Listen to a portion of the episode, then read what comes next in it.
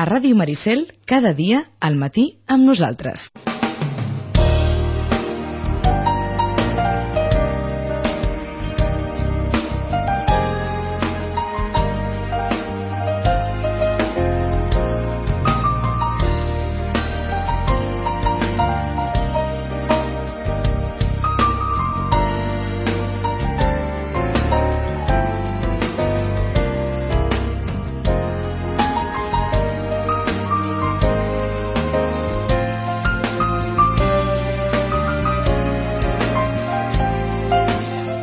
Un quart d'onze.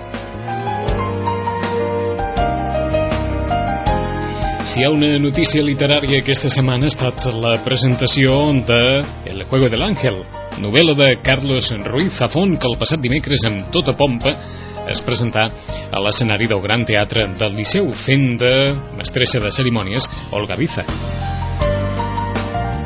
Olga Biza, qui el darrer cop que havíem vist era en el debat entre Mariano Rajoy i José Luis Rodríguez Zapatero. Va coincidir tot plegat en dimecres i per tant li van proposar a la Rosana Lluc si eh, avui divendres li vindria de gust eh, comentar-nos no només les novetats literàries sinó fer-nos una mica de sedàs sobre allò que pot resultar més o menys d'interès per Sant Jordi. Però ja que la Rosana va ser testimoni de, de primera fila del que va passar al Liceu mm, qui més que ella ens pot explicar com, com es va sentir? Rosana, bon dia, bona hora. Hola, molt bon dia. Quants anys portes treballant en el món dels llibres? molts, molts, molts. molts. Has vist mai alguna cosa semblant al que va passar el dimecres? No. No. Com a muntatge espectacular, no. I això és bo o és dolent? Ai, no sé. no sé, la veritat és que és bo perquè posa el llibre uh, com, a, com a escenari, no? I, com a, i ho posa com a cosa normal i dintre de, de diem-ne que la gent en parla, com a mínim en parla, uh, se'n fa ressò i té ganes de uh, parlar d'un llibre en concret, no?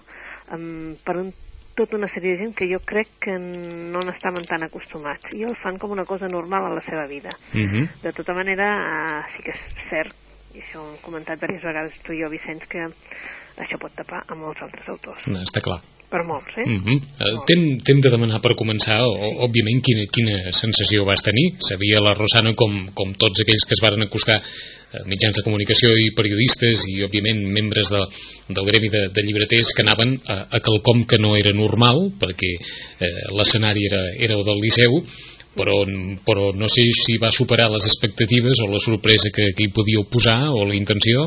Sí, sí, sí perquè a veure, moltes, a veure, algunes editorials sí que la veritat és que de cara a Sant Jordi volen premiar els llibreters doncs fent una espècie de festa, no?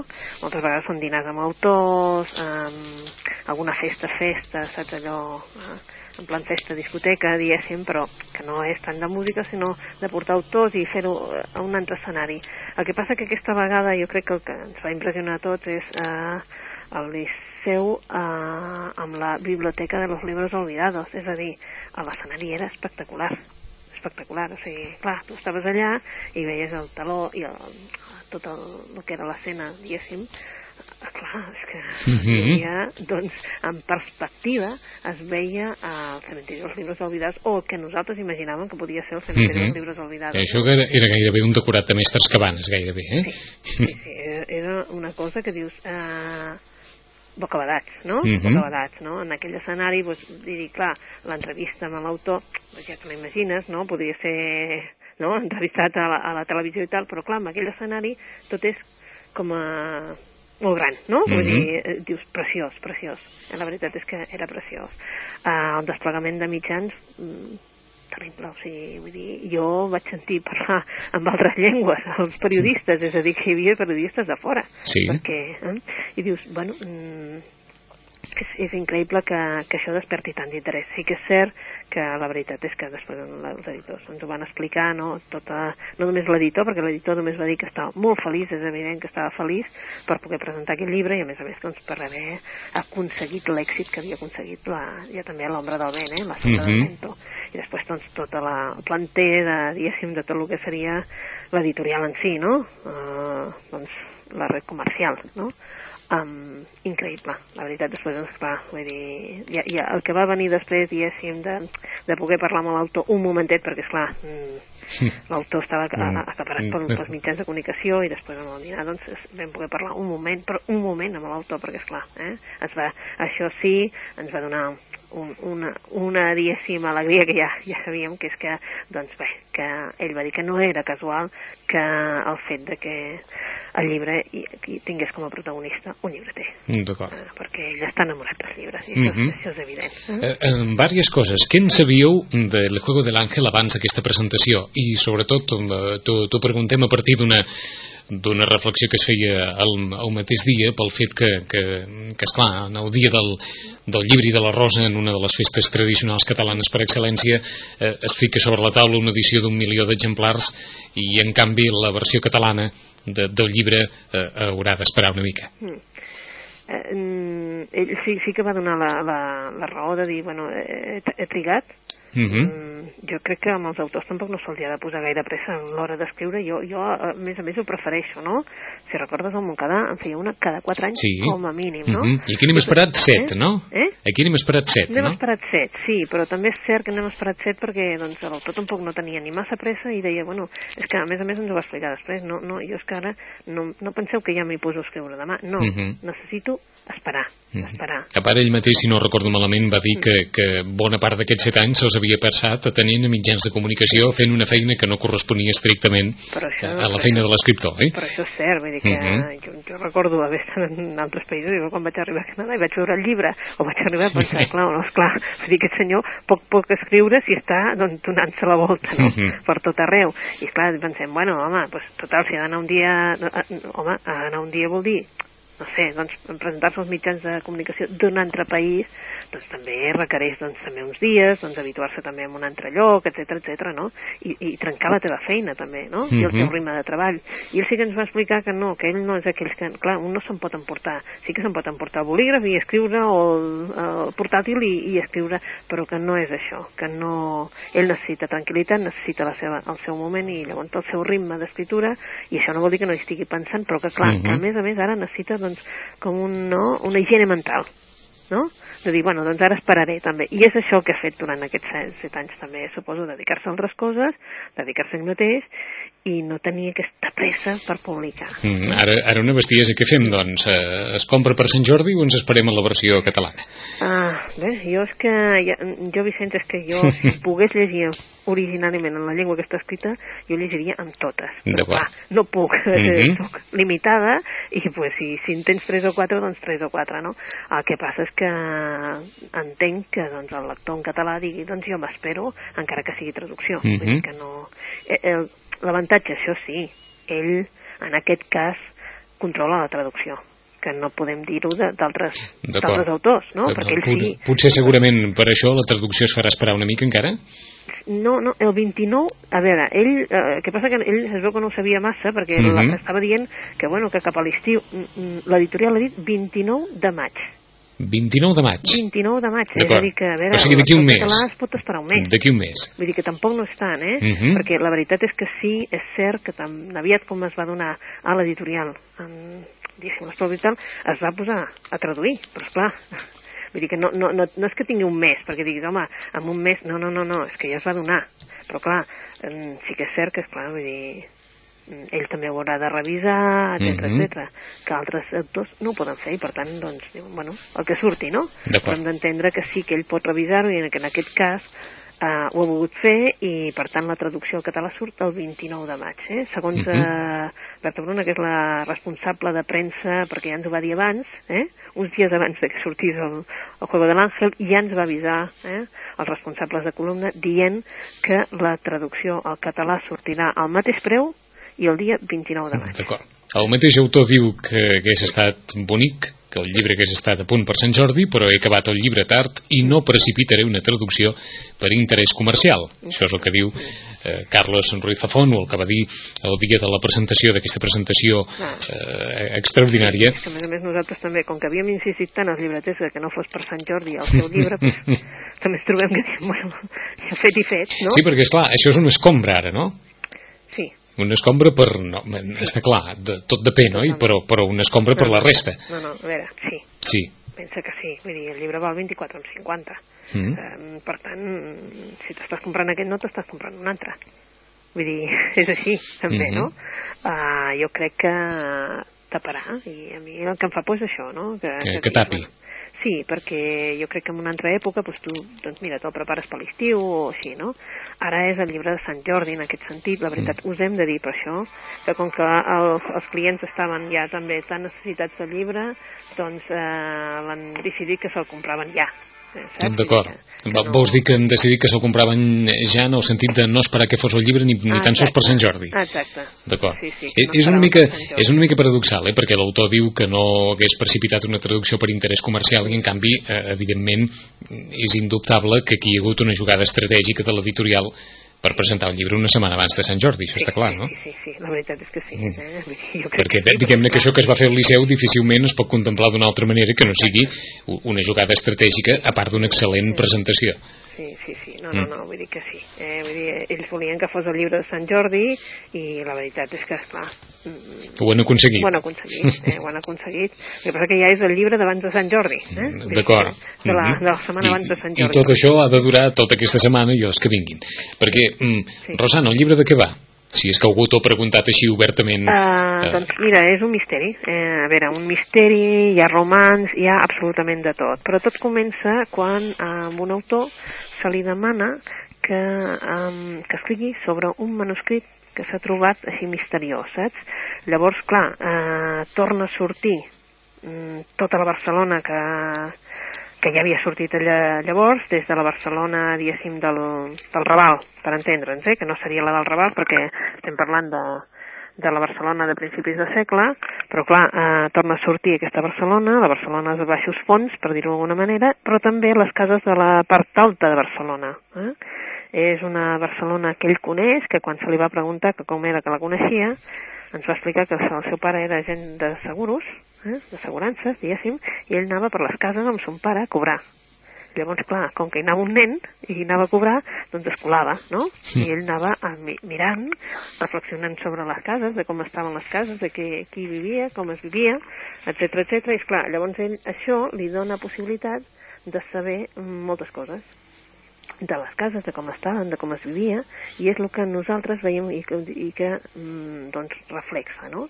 Bé, ara eh, és un, a, la, a la Barcelona dels anys 20 hi ha un jove escriptor doncs, obsessionat amb un amor impossible que rep l'oferta d'un editor per escriure un llibre com no ha existit mai. Eh? A canvi, això sí, d'una fortuna. Eh? És una història que, que clar, que t'atrapa des del primer moment. Us haig de dir que jo, evidentment, només, només l'he de començar. Sí. Eh? I per tant... Eh... I estàs atrapada. Sí, sí, la veritat és que sí. El que passa que, clar, en aquests moments reconec, eh, Vicenç, que l'hauré de deixar perquè mm -hmm. necessito, um, saps allò, com a mínim llegir diversos capítols de diferents obres, perquè és el que se't demana ara ah, aquests dies com a llibreter, no? Però aquí el que sí que trobem és el David Martín, que és un jove que viu d'escriure sota pseudònim, i ell escriu novel·les doncs d'intriga, de misteri, eh? I la veritat és que, bueno, va vivint, no? Ha aconseguit anar vivint eh, sense cap, eh, saps allò, necessitat, no? Però tot de, li deu al Pere Viral, eh? que és un burguès bohemi que l'ha protegit eh, des de que el David es va quedar orfe. Eh? Uh, bé, el David ha anat res, uh, ara rebent unes missives molt estranyes amb un signe d'un àngel eh? i el, això el porten a la trobada de l'Andrea Scorelli un, un editor parisenc misteriós que li fa aquest encàrrec tan sorprenent eh? bé, és una proposta d'aquelles que no es poden no es poden dir que no. Mm -hmm. Per tant, eh, a partir d'aquí, el món de David doncs, canvia totalment, no? I hi ha com una peribècia doncs, que, bé, que a partir d'aquell moment doncs, passarà una mica com passava amb la, amb l'ombra del vent, no? que ja començaves i, oh, i ja la continuaves. mm, ja us dic que la primera frase que ahir un lector em deia doncs el, el Cuní ja, ja l'ha llegit aquest eh, al matí, sí, parla d'això, no? Mm, només la primera frase ja t'enganxa perquè parla d'això, de, de la vanitat de l'autor, de qui no donaria el que fos perquè perquè el seu nom quedés imprès en un paper, a més a més, no? un paper que segurament vaja, és, és, és, és, és claríssim que durarà molt més del que duri la teva vida. És a dir, Mhm. ara estem llegint obres de, és igual, del segle XV, del XVI, i bé, els autors no els hem conegut pas, els hem conegut a través de les seves obres, i és això, aquesta vanitat, no? I per això t'atrapa la novel·la que comences a dir, bueno, doncs això promet, eh? Mm. Doncs quatre, quatre frases del propi Carlos Ruiz Zafón per tancar aquest, aquest capítol d'una novel·la titulada El juego del ángel. Una, un milió d'exemplars és només una xifra, el que importa és el llibre, ho confessava La Vanguardia. La història del cementiri dels llibres oblidats la sabrem a la quarta novel·la. Sobre el triomf o sobre l'èxit, diu que en general facilita les coses, no les complica, que queixar-se seria de jutjat de guàrdia, i la darrera, la que d'alguna forma l'autor també eh, confessa a l'entorn de la seva pròpia creació, és el lector qui ha d'opinar, però jo tinc la certesa que he donat un pas endavant. De moment, la Rosana s'hi ha posat, però com que s'hi ha de posar en tants llibres a la vegada, doncs està clar que aquest serà un d'aquells eh, doncs, que cavalcarà eh, després de Sant Jordi i en el, i en el que queda d'any. I, i, I per on podem començar, Rosana? Doncs mira, per, per altres autors... No, Perquè avui gairebé podríem dir, mira, llibres per Sant Jordi. A part de tots aquells que haguem pogut dir o, o Exacte, deixat de dir... però com que jo crec que, saps què he fet? He fet al revés, o sigui, he fet llibres que potser no, no estaran, o que, que sí, però que són, no?, que són menys, eh, que segurament no estaran tant en les llistes dels bestsellers, això està clar, eh? Mhm. però que també hi ha un públic i que també s'ha de dir, bueno, doncs també hi ha altres autors. És evident, doncs, que aquests dies ja sabeu que se'n parlava molt de sobretot dels llibres en català, doncs de la Najat, no? Mhm. de l'últim patriarca, que ja en vam parlar, del Ferran Torrent, del Només Socis, fins i tot de la Isabel Clara Simó, no? d'aquests autors que són els autors en català, no? que han tret nova novel·la, la, Emma, la Emma, de la Maria Barbal, evidentment, eh? però bueno, hi ha una sèrie d'autors que, que, que estan també, per exemple, en castellà, o que són traduccions d'altres llengües, i que mm, ja és més difícil perquè, clar, ja van dintre d'aquesta mm, turba d'autors que, que d'acord. doncs, bueno, és impossible conèixer els I, eh, I afegeixo aquí, no sé si n'havíem parlat, però eh, és ara, o, o potser l'havíem esmentat com a novetat, però no sé si l'havíem comentat, i és ara el llibre més venut en castellà, el darrer llibre d'Eduardo Mendoza.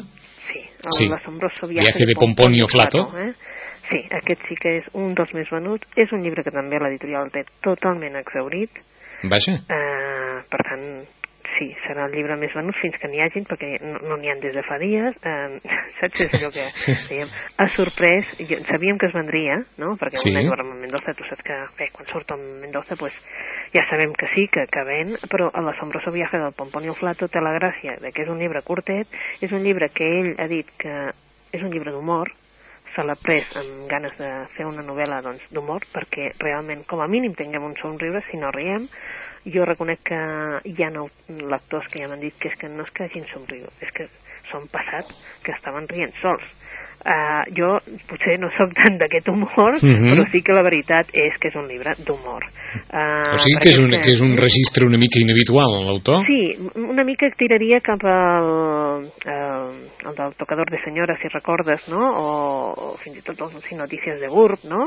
Però és aquest humor una mica més gamberro que té el, l'Eduardo Mendoza, que ell, bueno, com que ja està fart d'aquest tipus de- d'explosió de, novel·les, ara eh, tots novel·les històriques, ara tots novel·les, saps, d'intriga, ara tots no, novel·les no sé què, doncs ell fa la que vol i a més a més se n'enriu de tot, no? Vull dir, um, un personatge doncs, que evidentment que ell vol eh, trobar aquest elixir doncs, de, uh, diguéssim, de, un elixir de vida, diguéssim, i uh, bé, té un problema, i és que s'ha pres una cosa, i és que, bé, es diu Pomponio Flato perquè és que va una mica una mica, saps, fluix, Mm, diguéssim, no? Tan fluix que fins i tot quan estan al cavall, doncs, bueno, d'un pet, per dir-ho d'alguna manera, doncs, eh, és que cau del cavall.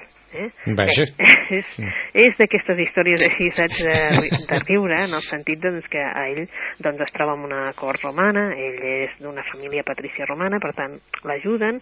Eh, primer es troba amb uns berebers, els berebers li diuen, bueno, la curen i diuen, escolta, tu, per nosaltres no et pots quedar, doncs vinga, va, et portem a un lloc que sabem que hi ha els romans. Aquells romans que hi havia allà estaven allà per, per estar-hi i li diuen, escolta, és que nosaltres aquí, diguéssim, estem com de retent, no? Per aquí no faràs carrer, no faràs res, mira, saps què? I com si se'l anessin traguent de, de sobre, no?, una mica, Mhm. i arriba amb això, amb una situació en què eh, arriba a un poble que és que estan a punt de penjar el fill d'un fuster. Clar, les referències, no?, Sí, bíbliques, oh, i diguéssim, tant.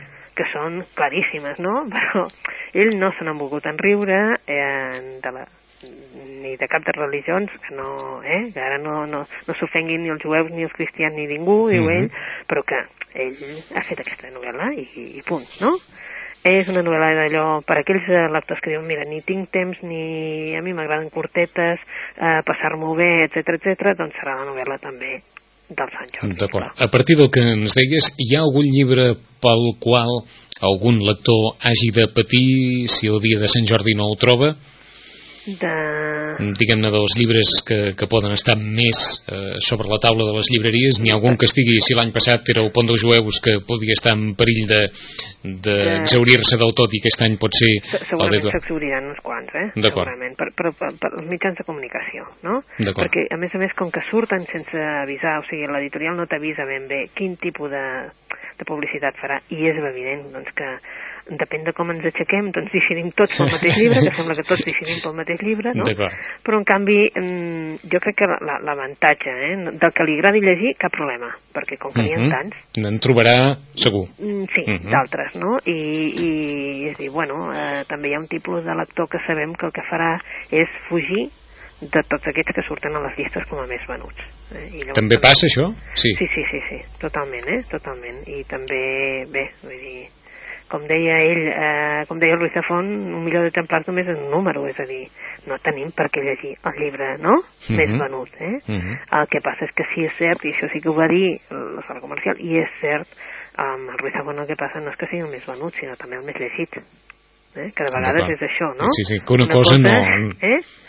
Que sigui el més venut i un altre que sigui el més llegit, que uh mhm. -huh. nosaltres sempre diem el mateix, el llibreters Collado, que una cosa és el més venut i una altra és el més llegit, perquè, és clar, els, mm, suposo que aquest any ja no parlarem tant, no?, dels, dels, dels mediàtics en el sentit de, no?, Polònia, mm. Buenafuente, sí. no?, uh -huh. uh, és igual el Fuentes i companyia, perquè és que n'hi ha tants aquest any, que jo suposo que aquest any el que la, serà és que dir, bueno, doncs ara una novel·la, que estigui escrita en castellà, que és el Juego uh -huh. de l'Àngel, els passaràs davant. D'acord. Eh? eh? En, en qualsevol cas, Rosana, aquest és un Sant Jordi on eh, em sembla també que en la llista dels més venuts hi ha bona part de llibres que, que han tingut una bona consideració per part de la crítica, no? Sí, Sí, sí. Tant en català com en castellà, diguem-ne que hi ha una, mm. una collita bona, els llibres més venuts són també mm, alguns dels més valorats per, per la crítica en molts casos, no? Sí, la veritat és que sí. Eh? La veritat és que tenim la sort, no?, que el que estigui mirant la llista dels més venuts pues, dirà, bueno, és que hi ha molta cosa a escollir, no cal que tot anem pel que està més més venut, que és el primer, sinó que mm -hmm. molts, i la veritat que és l'oportunitat per tots aquells, pues, jo què sé, que no han llegit, mm, malgrat que, no, que em parlen moltes vegades de, de les sí. de les benèvoles, de les benignes en català, o mm, una Almudena Grandes, o, no? o és igual, eh, autors menys coneguts, per exemple, un Agustín Fernández Mallo, encara no ha sortit a les llistes dels més venuts. Uh mhm. -huh. eh, és un autor jove, un autor jove, un autor que va mm, publicar No filla Dream, que va córrer així amb els cercles literaris perquè el Vilamat es va dir, escolteu, és que és una novel·la excel·lent, no? I ara ens apareix amb un, no Nocilla Dream, sinó una Nocilla Experience. Clar, vull dir, és un autor que... Ah, aquest és l'autor de la generació Nocilla. Ah, exacte. D'acord. Eh? Vull dir que... I dius, bueno, doncs per què no... Que és un, que és un terme que s'ha encunyat, eh? la generació Nocilla, d'acord. Exacte. Sí, o sigui que ve a partir de, de les obres d'Agustí Fernández Malla. Sí, exacte. I llavors, uh -huh. clar, eh, dius, bueno... Eh, eh, què està suposant el Nocilla per, per les lletres? Bueno, pues, eh, segurament, eh, penseu que aquest no hi ha dos sense tres, aquest és el segon volum que ell escriuen com a Nocilla, Nocilla Experience, però després arribarà amb el Nocilla Lab. Vull dir que, que, que, bueno, que ell ja ens anuncia que vindrà el Nocilla Lab. Bé, doncs eh, és per tenir-lo en compte, és un recull en el que es parla de molts temes, però a més a més hi ha tants personatges que està molt bé, perquè doncs, des d'un uh, un personatge que acaba la seva darrera caixa de cereals i deixa la seva consola així doncs, connectada i decideix doncs, recórrer Nord-Amèrica durant diversos anys. Eh? Mm, bé, són narracions curtes, però que t'atrapen de seguida, que tenen la gràcia de que en molt poques línies, que és el, el, els mestres del conte, això és el que tenen, no? que eh, t'atrapen, t'expliquen tot en només poques línies, no cal fer una novel·la, no? Uh -huh. Mm, Bé, hi ha un personatge, la Sandra, que torna de Londres a Palma de Mallorca eh, a la vegada que es resol el misteri de l'incendi de la Torre de Windsor, eh? Mm, des d'un altre personatge que dissenya un noi que, que, que porta les grues del port de Nova York que dissenya una, una casa per suïcides. Bé, són personatges, evidentment, al límit, eh? Vull dir, són personatges que, que bé, que segurament no són no, el veí que tenim al costat, evidentment, però que sí que són personatges que, que estan en el nostre imaginari, que estan aquí, no? I és un calidoscopi, no? On eh, realment hi cap de tot. Eh?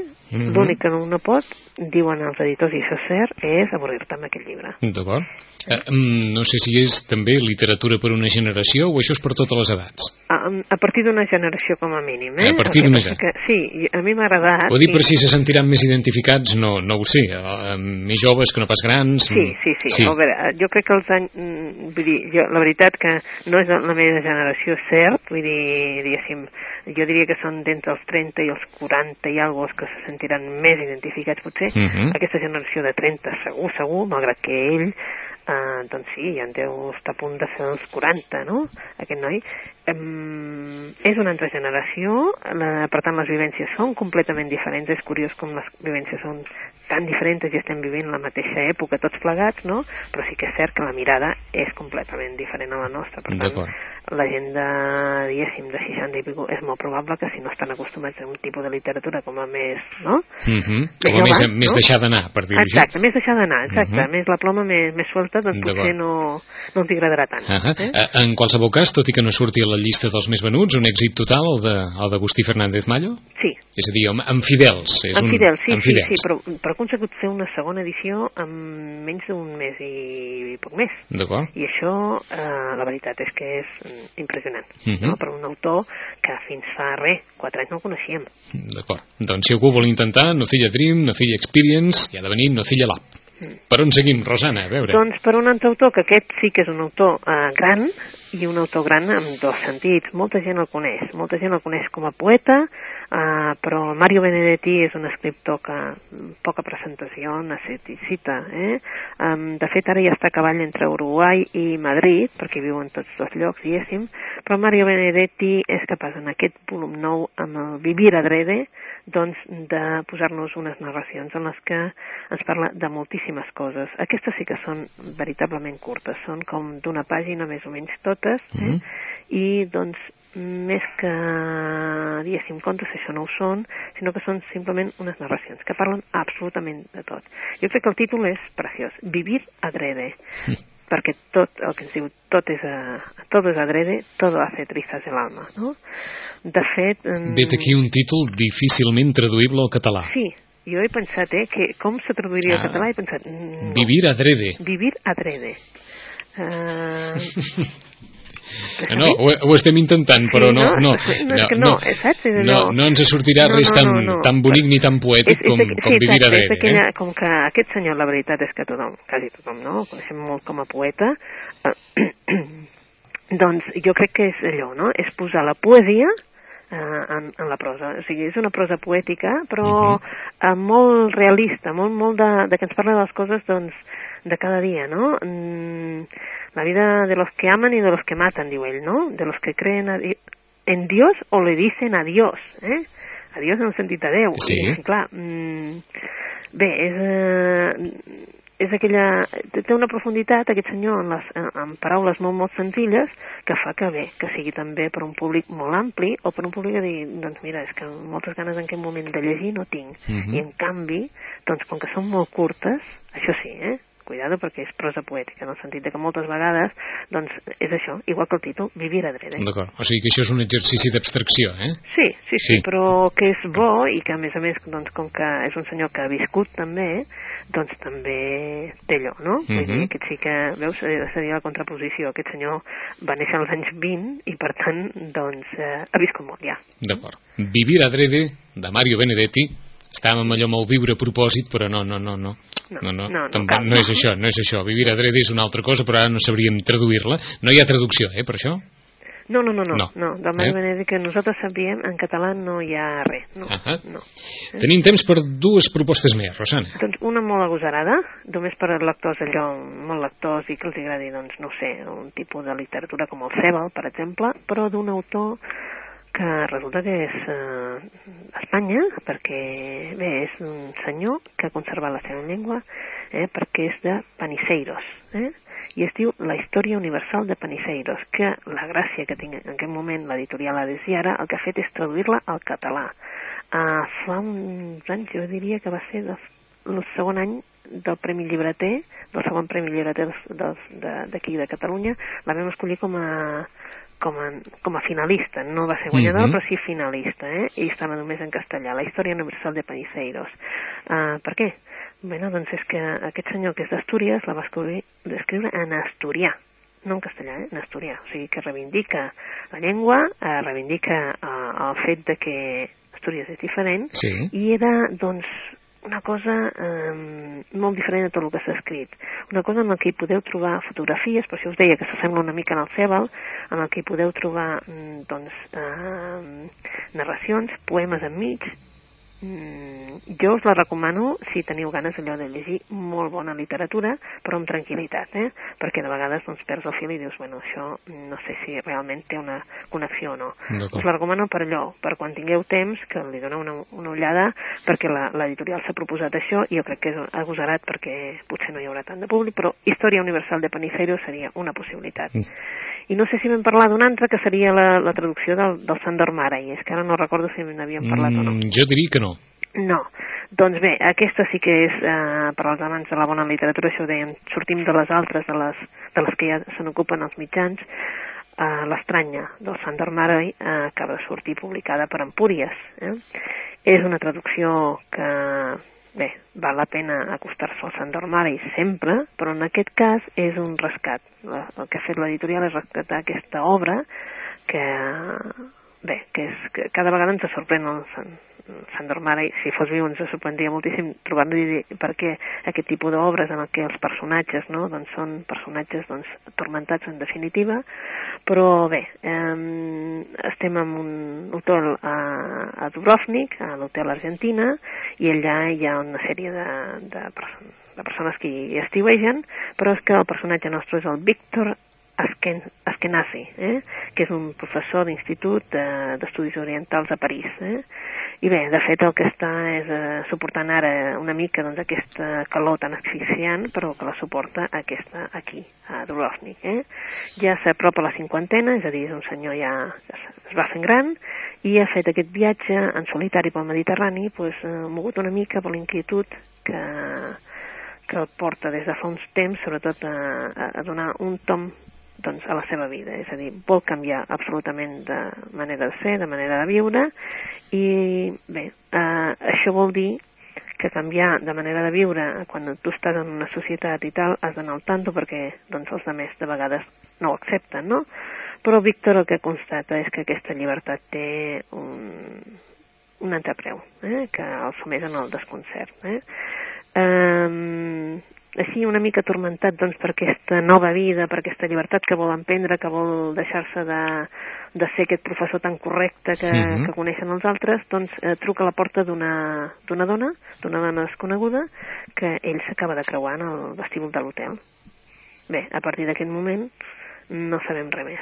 Què passarà a l'altre costat de la porta? Uh, mm, bogeria, veritat, uh, bé, és un, un text breu, però la veritat és que ens narra una mica una altra vegada doncs, aquest viatge cap a, a l'interior de nosaltres mateixos, de conèixer-nos, d'aquest abisme cap a la solitud, cap a la incertesa, i el Víctor Askenazi és un home en busca de resposta, de respostes. Ell vol respostes, se sent insatisfet amb la seva vida perquè ha arribat a la cinquantena, però creu que, bé, allò que nosaltres anomenem amor només condueix a una felicitat transitòria, però en definitiva ens porta a una inevitable destrucció. Per tant, eh, el Sandro Maré és un autor d'aquells de llegir-lo Mm -hmm. i de dir, bé, una altra obra del Sandor Marell, sí, una altra, de, perquè ens agrada el Sandor Marell, però que no oblidarem. D'acord. Aquesta és una lectura més de tardor, eh, gairebé. Sí, sí, sí, de tardor. El que passa que fa uns dies també que no sabem No, ben no, no, bé. eh? ho, ho dic perquè qui vulgui allò un, un Sant Jordi més, oi, més, Més, com, més, sí, eh, més lleuger, més lleuger. que sí, no, on que no s'hi posi, sí. que no s'hi posi amb l'estranya perquè, No. perquè resultarà excessiu.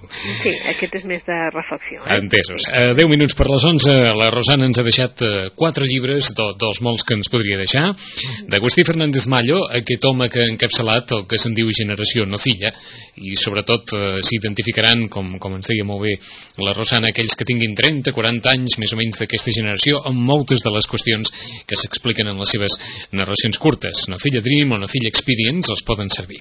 De Mario Benedetti, a qui els hi agradi o qui els costi la poesia, però en canvi eh, els vingui de gust la història curta a partir d'un poeta. Doncs Vivir Adrede, narracions curtes que parlen de tot, poesia feta prosa, els pot interessar. La història universal de Pariseiros, aquesta és, diguem-ne, la recomanació més agosarada que ens ha fet la Rosana i finalment l'estranya de Sandor Maray el que no sé si després d'haver passat pel Liceu en la presentació del llibre de Carlos Ruiz Zafón ens pots dir quin és el llibre que es vendrà més per Sant Jordi És que jo crec que serà aquest. serà aquest, eh? Serà aquest, sí. Aquest, aquest suposo que donarà, sí. Eh? Però no, no, sé, a, a altres que... no, no sé si els llibreters us heu apostat alguna cosa o no Eh, no, no, no, no, eh? no, perquè no, està no. més clar que l'aigua segurament No, sí, sí, aquest, aquest sí. El que passa és que, clar, també intentem no, que els altres arribin, és a dir, Mhm. que eh, el que no sigui doncs, amant de Luis de Mont, que també pensi que de novel·les n'hi ha moltíssimes i que, esclar, n'hi ha algunes que també parlen de Barcelona, per exemple, aquella que vam comentar del Xofol Llorenç, que vosaltres eh, Sí. a, a Sitges ve un dia d'aquests, Sí. No? doncs, eh, clar, també serà una novel·la que jo crec que es vendrà moltíssim, sobretot Mhm. perquè els llibreters ens ha agradat. el la- te daré, te daré la tierra, no? et Te daré la tierra, que també està traduïda al català. Això sí, l'editor la va traduir dir, eh, directament al català, com que tenia l'avantatge que tenia aquí, podia sortir amb, amb temps i tal. Sí. Directament està també traduïda al català i, per tant, eh, et donaré la terra també, com que parla de Barcelona, parla de Barcelona medieval, doncs també és una novel·la que la veritat que Mhm. t'atrapa, eh? I molt. A veure què passa aquest Sant Jordi, en parlarem la, la setmana següent. Bon Sant Jordi, Rosana. Molt bona setmana a vosaltres. Bona feina també per tots vosaltres.